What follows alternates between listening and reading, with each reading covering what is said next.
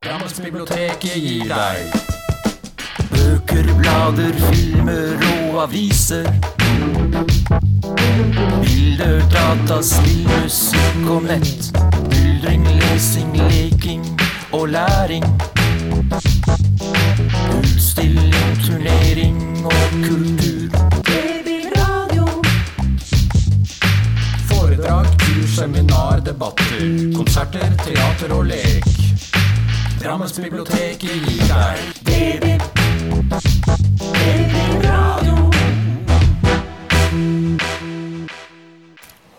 Disse sure damene da, som dere ser på bildet, der, det er altså Oddrun og meg.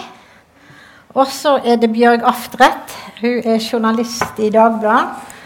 Og det er hun som har systematisert og redigert. Så det er en sånn, et, et toårs arbeid, da. Og uh, Hilde sa at vi skulle snakke om metoo og hva som har skjedd i fagbevegelsen. Og det skal vi. Og det var det som liksom ble fokusert veldig mye på i media. Men så har vi skrevet om veldig, veldig mye mer.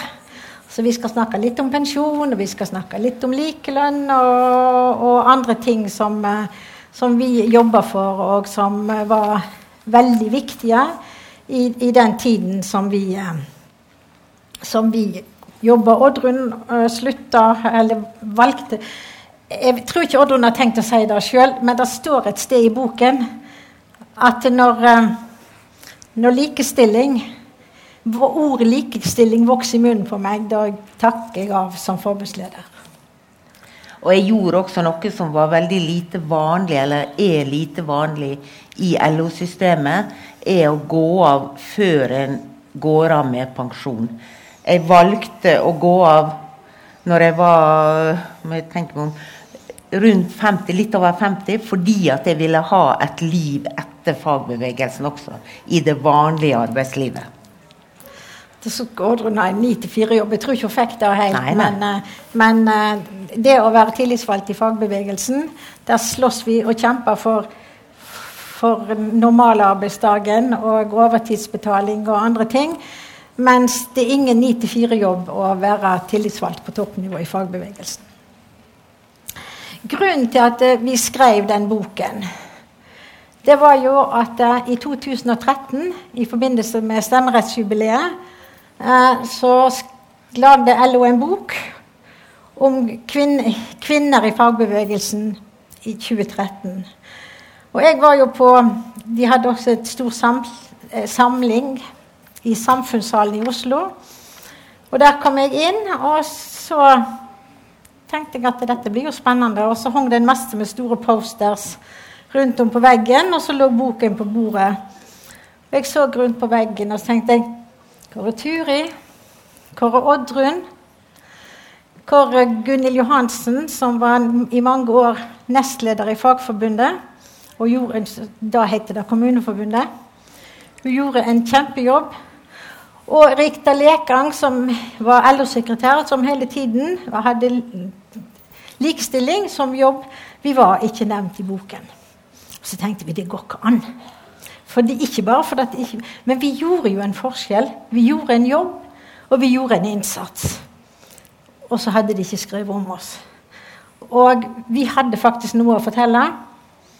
Så det var da jeg tok kontakt med Oddrun, og også og med Gunhild. Men Gunhild hun ble ikke med helt til slutt. Så dette det er Oddrun og min historie som da er blitt fortalt. Og eh, du, du nevnte det jo, Hilde, at vi har fått masse kommentarer. Og også var det årets bortforklaringer, da. For det var Yngve Haagensen eh, som eh, syntes at det var helt utrolig at vi kunne få så mye surhet mellom to permer. Eh, Så han ble da en del av årets bortforklaringer i, eh, i 2018. Og det var i magasinet i, i Aftenposten at han da fikk sin uh, Om jeg har kløpet noen bak, så gjorde den ikke noe varig inntrykk. Så Oddrun Ja. Men det gjorde på meg, da, Og det hører jo også med til historien. Jeg ringte til Yngve, og altså, i fagbevegelsen så er vi på fornavn. Når jeg ringte til Yngve så, og sa det, at jeg kom til å fortelle den historien i boka, til det kom til å komme ut, og jeg gjorde jo det på forhånd for at han skulle være forberedt, så sa han at eh, Oddrun, det husker ikke jeg. Og så sa jeg, men jeg husker. Og så sier han ja, det tviler ikke jeg på. sier han. Så altså, og En av grunnene til at han ikke husker, var jo at dette var på slutten av en fest. Det var på en busstur hjem fra en fest på representantskapet i Kristiansand. Det står, ikke, det står det i boka, men jeg sa ikke noe om alkoholinntaket der. Uh, og det er jo noe av det som vi, som vi har retta søkelyset på, er jo noe av det med kulturen eller ukulturen i LO som vi opplevde. Som mellom annet det var veldig mye alkohol. Men Oddrun, før, ja. før, du går til det, kan jeg ja. få si noe ja, da? Vær så god. Eh, for det at eh, Hans, Yngve sier òg at eh, de må vel ha fått noe positivt ut av disse årene. Det er klart vi gjorde det. Vi hadde det jo kjempegøy.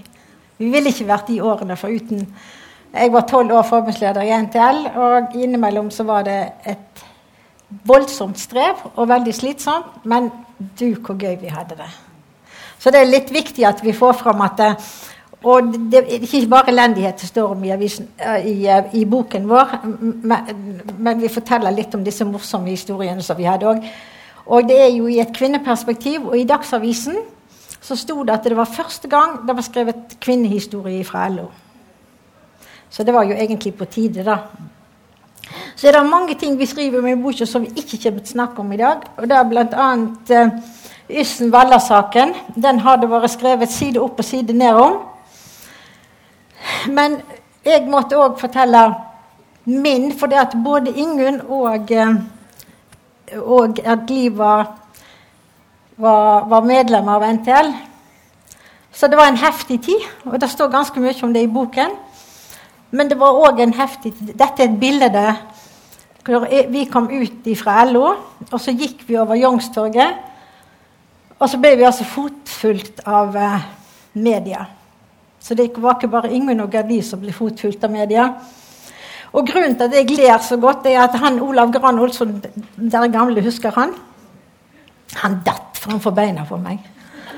Og jeg sa at nå må dere gi dere, dere er jo helt gale alle sammen. Så det ble litt morsomt. Nå, Oddrun. Ja.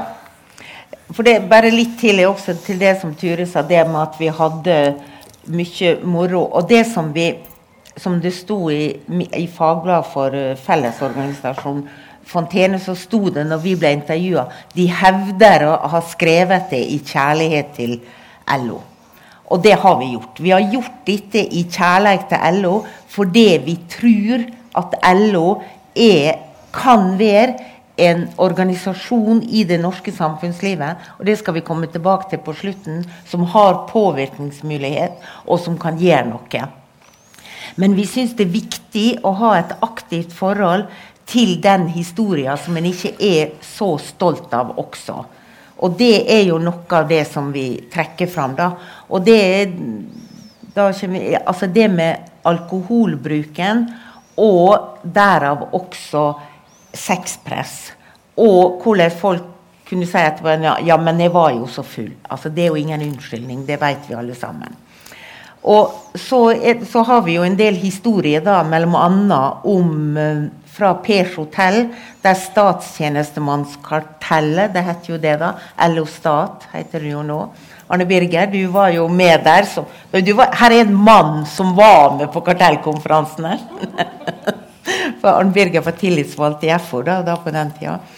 Men da var det jo sånn, da var det seminar, og så var det et kjempegedigent julebord uh, siste kvelden. Og så, da, og så da overnatta vi til dagen etterpå og reiste hjem igjen på toget. Sånn at, og da på det julebordet så flaut alkoholen fritt. Det var jo øl og akevitt. Gratis. Og det var, men før julebordet så var det badstue. Med forbundslederne og journalistene. Og det ble betalt øl av ikke av LO, men av Sparebank1, eller da heter det Landsbanken. da. Og jeg var med på en del av disse badstuene. Fordi jeg tenkte at vi måtte være en del av gutta. Det er noe med å bli tatt på alvor, og de skal ikke få være der alene. Og sånn. Uh, men etter en stund så gikk vi lei. Og så en, ett år da, så fant Ture ut at vi skulle lage et alternativ. Vi inviterte de kvinnelige journalistene til Wien på vårt hotellrom. Eller på ett av våre hotellrom. Og det, var, og det ble jo tatt litt surt opp av gutta. Men det var siste gangen det var den type badstue på Pers hotell i, i, samband med julebordet eller med den LO Stat-konferansen. Så det er vi ganske stolt av. fordi det var ei uheldig samrøre mellom journalistene og forbundslederne og spandering av alkohol. Og det har jo Gunnar Kagge, som er journalist i Aftenposten, han, sier, han var jo med på det, men han sier i dag at han tror i dag at ikke det hadde vært mulig ut ifra den diskusjonen som er når det gjelder journalister sin frihet til å bruke kilder og til å skrive om kildene. For det var ei veldig uheldig samrøre. Uh, jeg har også et par uh, andre eksempel som jeg vil uh, fortelle om i samband med, med. Da. Og det var jo at jeg var Jeg var Jeg er SV-er. og det er jo altså det er jo sånn SV er jo stuerent i LO. Men det er fortsatt ingen i ledelsen av Det er mange forbundsledere som er SV-ere, eller mange, enn det, noen. Men det er fortsatt ingen i SVs ledelse, den valgte ledelsen som blir valgt på Kongressen, som er SV-ere. Det er flere som har stilt eh, til valg og ikke blitt valgt. Men jeg ble en gang kalt SV-fitte av en av mine forbundslederkollegaer. Og jeg ble jo selvsagt rasende. Eh, og da og jeg gikk til Yngve og sa at du får innkalle han og si at sånt er uakseptabelt. Og det gjorde Yngve. Han innkalte vedkommende sammen med meg og sa at du får be om unnskyldning, og sånt finner ikke vi oss i fagbevegelsen. Fint. Så da trodde, tenkte jeg kanskje at kanskje vi kommet et lite skritt videre framover. Men jeg tror det er museskritt. Det var en god overgang, for nå skal jeg snakke nemlig om i 2008, altså faktisk seks år etter jeg gikk av som uh, forbundsleder, så var Geir Mosti, som da var nestleder i LO, intervjua i samband med et eller annet. Og han, ble, og han fortalte da om musematta si som han hadde på kontoret sitt. Der det sto følgende det er bedre med ei mus på matta enn ti på byen. Og jeg ble jo rasende jeg sa, og skrev brev til LO-lederen. Altså det var jo noe med at Jeg hadde jo vært forbundsleder og bare brukte det og skrev at jeg var ikke stolt av å være LO-medlem. Og jeg syntes dette var ganske alvorlig, og at han fikk ta det opp. Og jeg fikk jo også oppslag i Dagens Næringsliv på det. For vi hadde jo kontakt med journalister, og vi fikk eh, oppslag. Og, det, og musematta ble jo fjerna. Det ble jo. Men det det resulterte i på kommentarplass i LO-aktuelt, var følgende sånn, Jeg må ta med brillene jeg leser. På kommentarplass i Fagbladet LO-aktuelt 1.9.2008 skriver journalist Torgny Hasås følgende jeg kan godt være enig med Remvik i at vitsen på musematta ikke er spesielt morsom. Men hva som er morsomt eller ikke, er utvilsomt en subjektiv sak og burde ikke være tema for Remvik. Men når Remvik mener at dette er et uttrykk for et kvinnesyn som ikke er LOs, er det grunn til å stoppe opp. Mostis musematte er et forsvar for monogamiet, og er ikke det bra? Eller er det uttrykket 'mus' som karakteristikk av det kvinnelige kjønnsorgan som er i overkant for Remvik? Altså, dette her var da i 2008, og jeg tenker dette er et uh, Dette er et lite eksempel, men et godt eksempel på at det kvinnesynet som fortsatt, det er ti år siden bare, hersker i LO, ikke er helt godt. Og ja. Før vi, vi, går videre Det neste vi skal snakke om, er likelønn. Det var en mangeårskamp, og den er, klarte vi ikke å få i havn. Så jeg har bare lyst til å si at eh, Hilde snakket om metoo. Og det som metoo klarte, som ikke vi klarte, det er at eh, nå har de sett Altså hvis vi fikk et klaps bak, eller hvis vi var noen som fulgte etter oss på vei mot hotellrommet, så følte vi litt skam. Altså Hadde vi flørta litt i baren?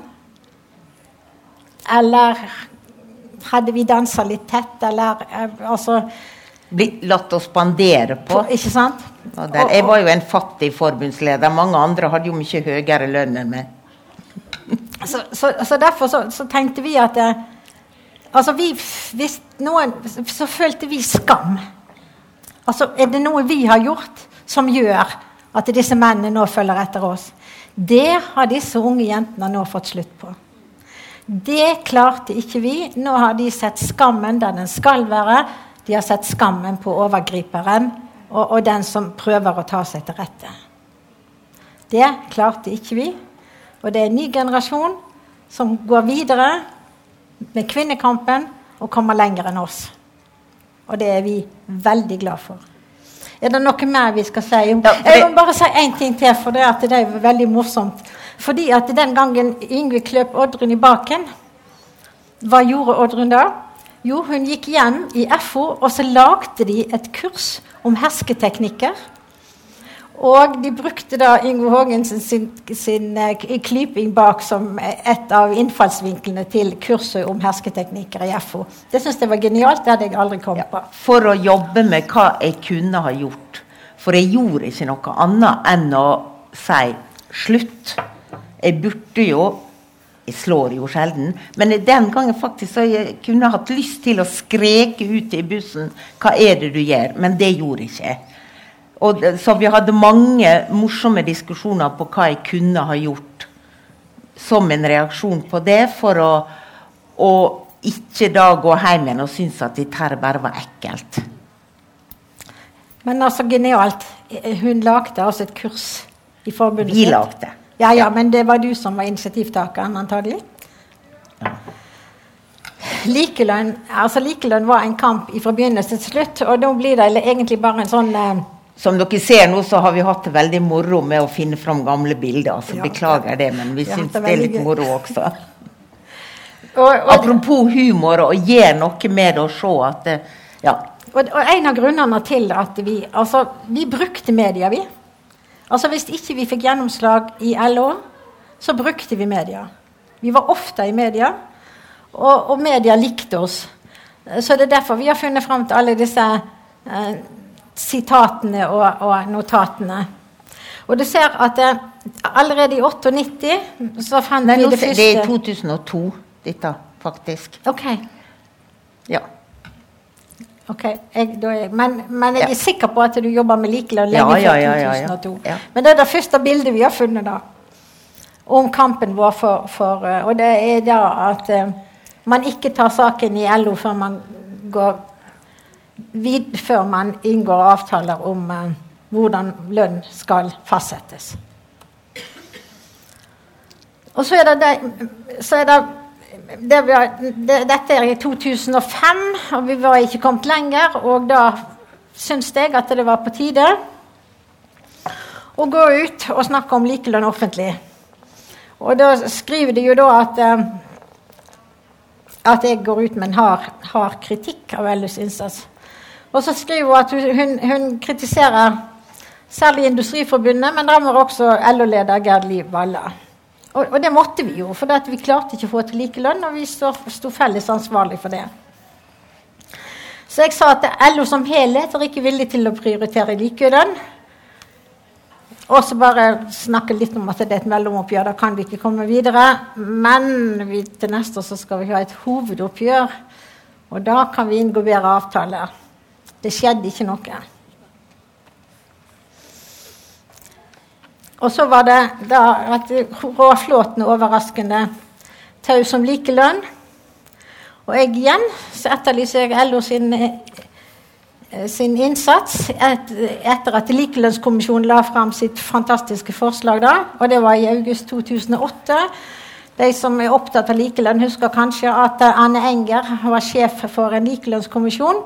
Og de hadde løsning på, på hvordan man kunne løse likelønnskonflikten i, eh, i offentlig sektor, i hvert fall. Men det, det fikk en veldig lunken mottagelse. Både LO og Arbeiderpartiet var negative. Jeg skriver masse om det i, i, i boken. Jeg kan ikke gå i detalj. Men, men eh, det, det, gikk liksom. Og, og, det som er gjennomgående, er jo at LO mener at dette skal tas i tariffoppgjørene, og at vi som sto uh, litt Vi mente at det måtte ekstraordinære tiltak og ressurser til. At det nytter ikke å løse det i tariffoppgjøret. Det har en prøvd i 100, 100 år. Over 100 over, Jeg husker ikke nå hvor mange, men i hvert fall, men en har ikke greid det. Og det som, Jeg, også, jeg så Bodil eh, Eriksens bok står der borte, den kvinnehistorien. Og Bodil skriver jo at LO må faktisk ta en del av ansvaret for at det ikke er blitt likelønn i det norske samfunnet. Og det, og det, er jo det som vi prøver å peke på for at, å backe opp de som er der i dag, for å kjempe videre. Og i staten så har faktisk likelønn vært på retur de to siste årene. Og etter den likelønnskommisjonen sin innstilling så fikk vi altså inn i altså det, er, det blir litt internt, men allikevel Hvert eneste år så lager LO en tariffpolitisk uttalelse.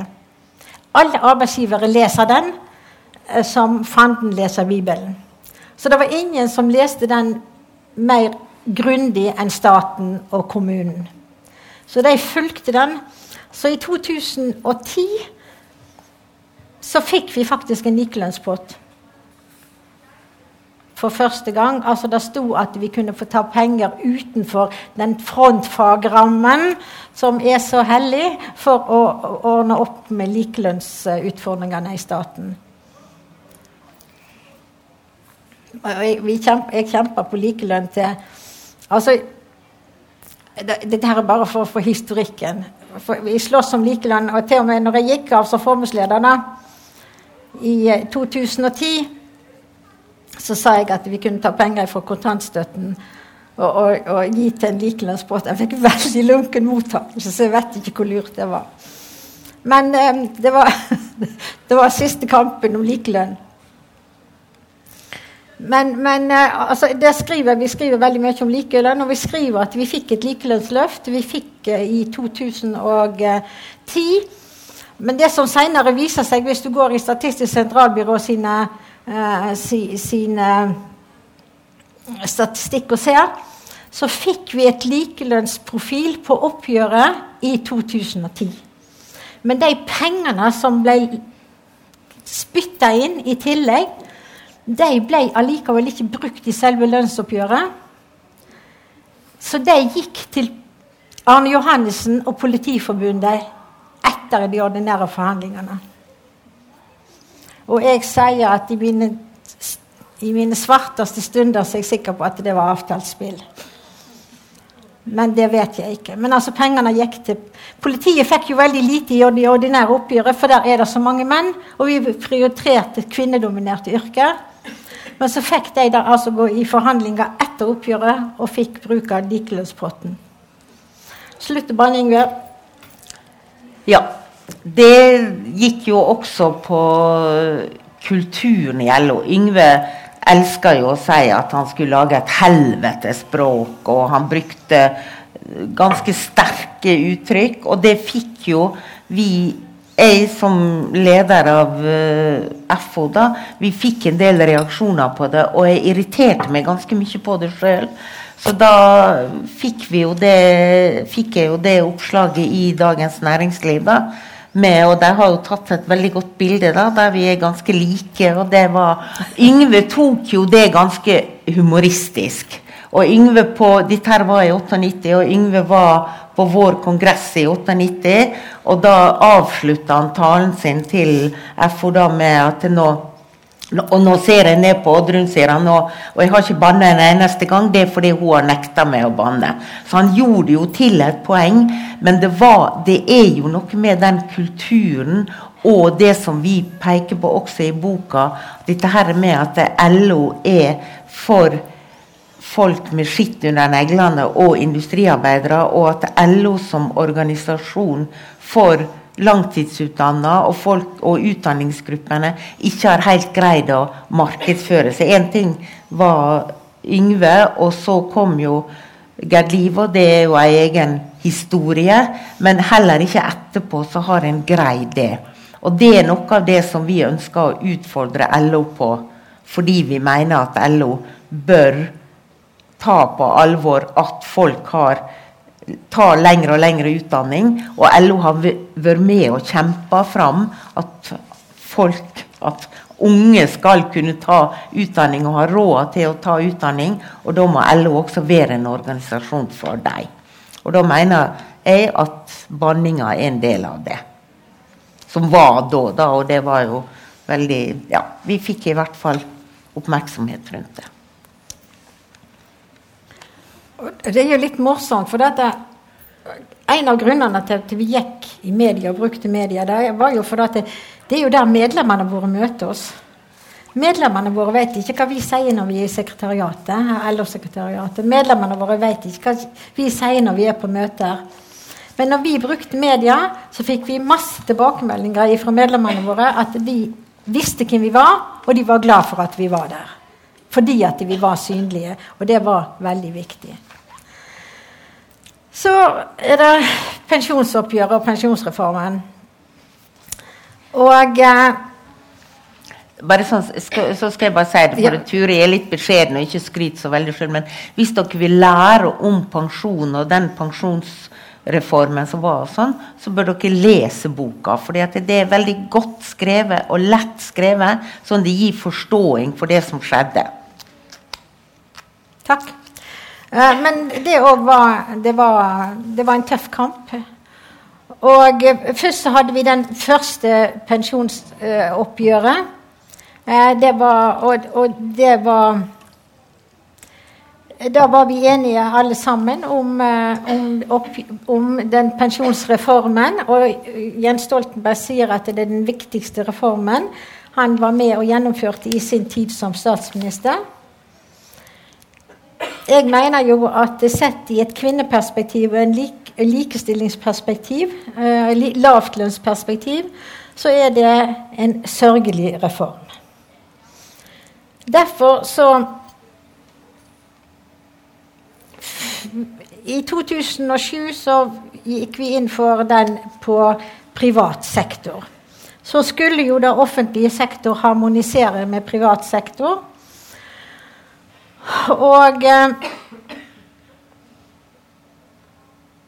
vi mener jo eh, at, eh, at kvinner er de store taperne, og derfor så I 2009, da nå må jeg holde tunga beint i munnen, så forhandler vi pensjon i offentlig sektor.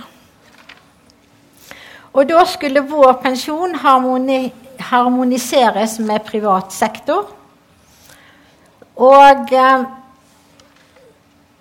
altså jeg mener jo, Vi skriver òg mye i boken om samrøret mellom Arbeiderpartiet og LO, og at det er for sterkt. Og en av tingene som vi mener ikke bør være, det er at eh, forbundslederne i de store forbundene og LO-lederen de har plass i, LO sitt, i Arbeiderpartiet sitt sentralstyre i kraft av sin posisjon i LO. Det bør de ikke ha. Fordi at når det gjelder pensjonsreformen, kanskje også sykehusreformen Den kunne jeg ikke så veldig mye om, så den har vi ikke nevnt her. Men da er LO-lederen og Jan Davidsen, som da var en del av eh, når vi forhandla pensjon i offentlig sektor, de er faktisk bundet på hender og føtter når vi kommer til LO-kongressen.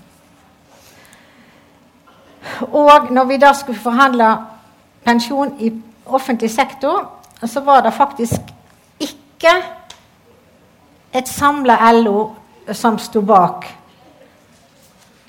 NTL når de forhandla pensjon, og at vi skulle ha en pensjon som var forutsigbar, og at, alle, og at vi skulle heller ikke ha en pensjon eh, der folk som måtte gå av med tidlig pensjon, ikke kunne gå av med verdighet, men kunne ha en pensjon som de kunne leve av. Og, og, og Roar Flåten gikk da faktisk ut og, og, og mente at jeg hadde, hadde vært Jeg vet ikke om han brukte ordet forræder, men i hvert fall at uh, hvis vi hadde stått sammen, så hadde det gått bedre. Nei, det hadde ikke det. Uh, og uh, jeg har skrevet veldig mye om det. Det, er en av de tøffeste situasjonene jeg var i som forbundsleder. Da var vi forhandla pensjon i offentlig sektor. Fordi at vi gikk alle de andre Roar Flåten, Jan Davidsen, Morten Øye, som var leder av LO Stat, Jens Stoltenberg og Dag Terje Andersen. De gikk i bakrommet og forhandla, og gikk bak vår rygg. Og det var ganske tøft. Men uh, vi sto av, vi sto han av, ikke det det heter på nordlandsk. Og uh, når pensjonsoppgjøret var Vi fikk jo et valg. da Behold det dere har, eller ta vårt oppgjør. Vi, vi, gjør det som vi vil. Så når da pensjons... Uh, når, var, når, forhandlingene var over, så sto det i ei avis at at Turi tvang Jens i kne. Det var i VG. Det var jo veldig gøy. Det er ikke sikkert mange som har fått den samme. Og, og, og, og i Dagbladet så sto det 'Turi vant, og Jan tapte'. Så nå så hadde de jo en ny pensjonsforhandling i 2018. Og eh, da fikk de omtrent i offentlig sektor omtrent akkurat den samme pensjonsordningen som de har i privat sektor. Og det betyr enkelt og greit at hvis du begynner å jobbe når du er 22 år, og jobber til du er 62 og jobber i 40 år, så får du en pensjon på under 50% av lønna di. Begynner du å jobbe når du er 32 og jobber i 40 år og jobber til du er 72, så får du omtrent 100% i pensjon. Fordi at eh, pensjon blir gjort om du, får, og du opptjener deg opp en pensjonspott, og den blir delt på x antall år, og det er arbeidslinja som teller, og du skal jobbe lenge. Så hvis du slutter når du er 62, så blir pensjonen din fordelt på fra du er 62 til du er 86. Hvis du, er, du er, hvis du går av når du er 72, så blir det atskillig færre år så du må dele pensjonspotten på. Så for året da, så kan du altså gå fra under 50% pensjon i forhold til lønn til opptil 100 hvis du har en jobb du kan leve av, og en jobb du kan stå i. Så dette går ut over lavtlønte, dette går ut over hjelpepleierne, dette går ut over de som har jobber som de ikke kan stå lenge i, og det går utover de som har en arbeidsgiver som ikke vil ha de i jobb. Og jeg påstår da at dette var underkommunisert, og derfor så var det 70% av de offentlig ansatte som stemte for pensjonsreformen. Men, men jeg mener at, det var, altså, de, at dette er et tap for kvinner, for det er kvinner som jobber deltid. det er kvinner som jobber, Nå er det kvinner som jobber i sliteryrkene. Det er i helsesektoren og på hotellene og restaurantene sliteryrkene er nå. Det er de som ikke klarer å stå lenge i jobb. Og når du da må gå av ved fylte 62, så får du altså per år en veldig dårlig pensjon. Men 70% stemte for. Men altså, vi er venner. Det var da vi måtte ha fram vi, vi, vi, vi, altså, vi tok kampene når vi måtte. Og så, når vi var ferdig med de, så, så var det ingen som var Jeg tror jeg hoppet forbi noen. Ja. Det var, det var, det var når jeg gikk av som forbudsleder, så skrytte jo han Rå måtte jo skryte av kampen min for likelønn. Og det var jo jeg veldig takknemlig for der og da. Og så Dette er jo da et eksempel på at eh, at på, når NTL har landsmøter, da, så er jo alltid LO, Arbeiderpartiet sin leder på besøk på landsmøtet når landsmøtet åpner. Så Derfor er Jens Stoltenberg på besøk hos NTL. Så måtte jeg jo finne fram til et bilde hvor Oddrun og Yngve var venner og velforlikte. Altså, dette er jo Jeg holdt uh, 1. mai-tale på Youngstorget i 94. Og da var det jo EU-kampen, og da var Yngve snakka for, og jeg snakka mot EU. Og da Marit Nybakk, som da var leder av 1. mai-komiteen i Oslo, hun tok ikke Altså, hun snakka ikke til meg, hun var uenig med meg, hun snakka ikke til meg. Og, jeg var litt sånn forvirra på hva skal jeg gjøre. Og da, sa, da la Yngve hånda rundt meg og sa Kom her nå, Oddrun, vi skal gå først i 1. mai-toget. Du er en del av bevegelsen, sa han. Så der, når det gjelder det, så var jo Yngve veldig skvær. Så da gikk jo vi først i uh, 1. mai-toget. Det var veldig fint. Og Oddrun har altså, det har aldri jeg opplevd, Oddrun har altså da fått lov til å holde 1. mai-tale på Youngstorget. To ganger. Ja, aldri jeg. Men nå, nå, på nå 1. mai nå så skal jeg først til Hokksund og holde innlegg på 1. mai. Veldig gøy. Og så skal jeg sammen med prosten i Bragernes kirke eh, snakke om eh, solidaritet eh, på gudstjenesten 1. mai. Så det kommer. Det kommer. Men altså, avslutningsvis, da, så Det som Oddrun og jeg snakker veldig mye om i boken, og spesielt i en epilog, og som vi syns har kommet altfor lite fram i media, det er at vi, vi sier at LO er en samfunnsinstitusjon. LO har vært en samfunnsinstitusjon, og LO er i ferd med å miste grepet som samfunnsinstitusjon. Eh, fordi at nå er det langt flere Spesielt i offentlig sektor så er det, gans, er det fremdeles veldig mange som er organisert. Veldig mange. Og veldig mange blir organisert. Men de organiserer seg altså ikke i LO. De organiserer seg i Unio og i Akademikerne. Eh, Sånn at LO skryter av at de har en kjempestor medlemsmasse, og det har de. De nærmer seg en million. Men mellom 35 og 40% av de er pensjonister. Og det som vi også ser, og dette leser dere også i boken, Elisabeth Det som vi ser, er at, eh, at LO taper i kampen, spesielt blant langtidsutdanna. Så taper de organisasjonskampen. Og Grunnen til at vi da syns at, eh, at LO bør være den den er, stor, mektig og eh, samfunns, en samfunnsinstitusjon som også setter dagsorden i politikk, og ikke bare når det gjelder eh, lønns- og arbeidsforhold til medlemmene, så syns vi at det er en utvikling som er faktisk litt alvorlig. Og så sier vi hvorfor det. Hvorfor ikke Unio, hvorfor ikke Akademikerne? For Unio og Akademikerne er mer en interesseorganisasjon, en fagforening for medlemmene. De står ikke på barrikadene når det gjelder eh, utvikling av offentlig sektor. Selvsagt når det gjelder lønns- og arbeidsforhold, men når det gjelder eh, ting for altså, sosiale ordninger og rettigheter, så er det LO som har stått på barrikadene.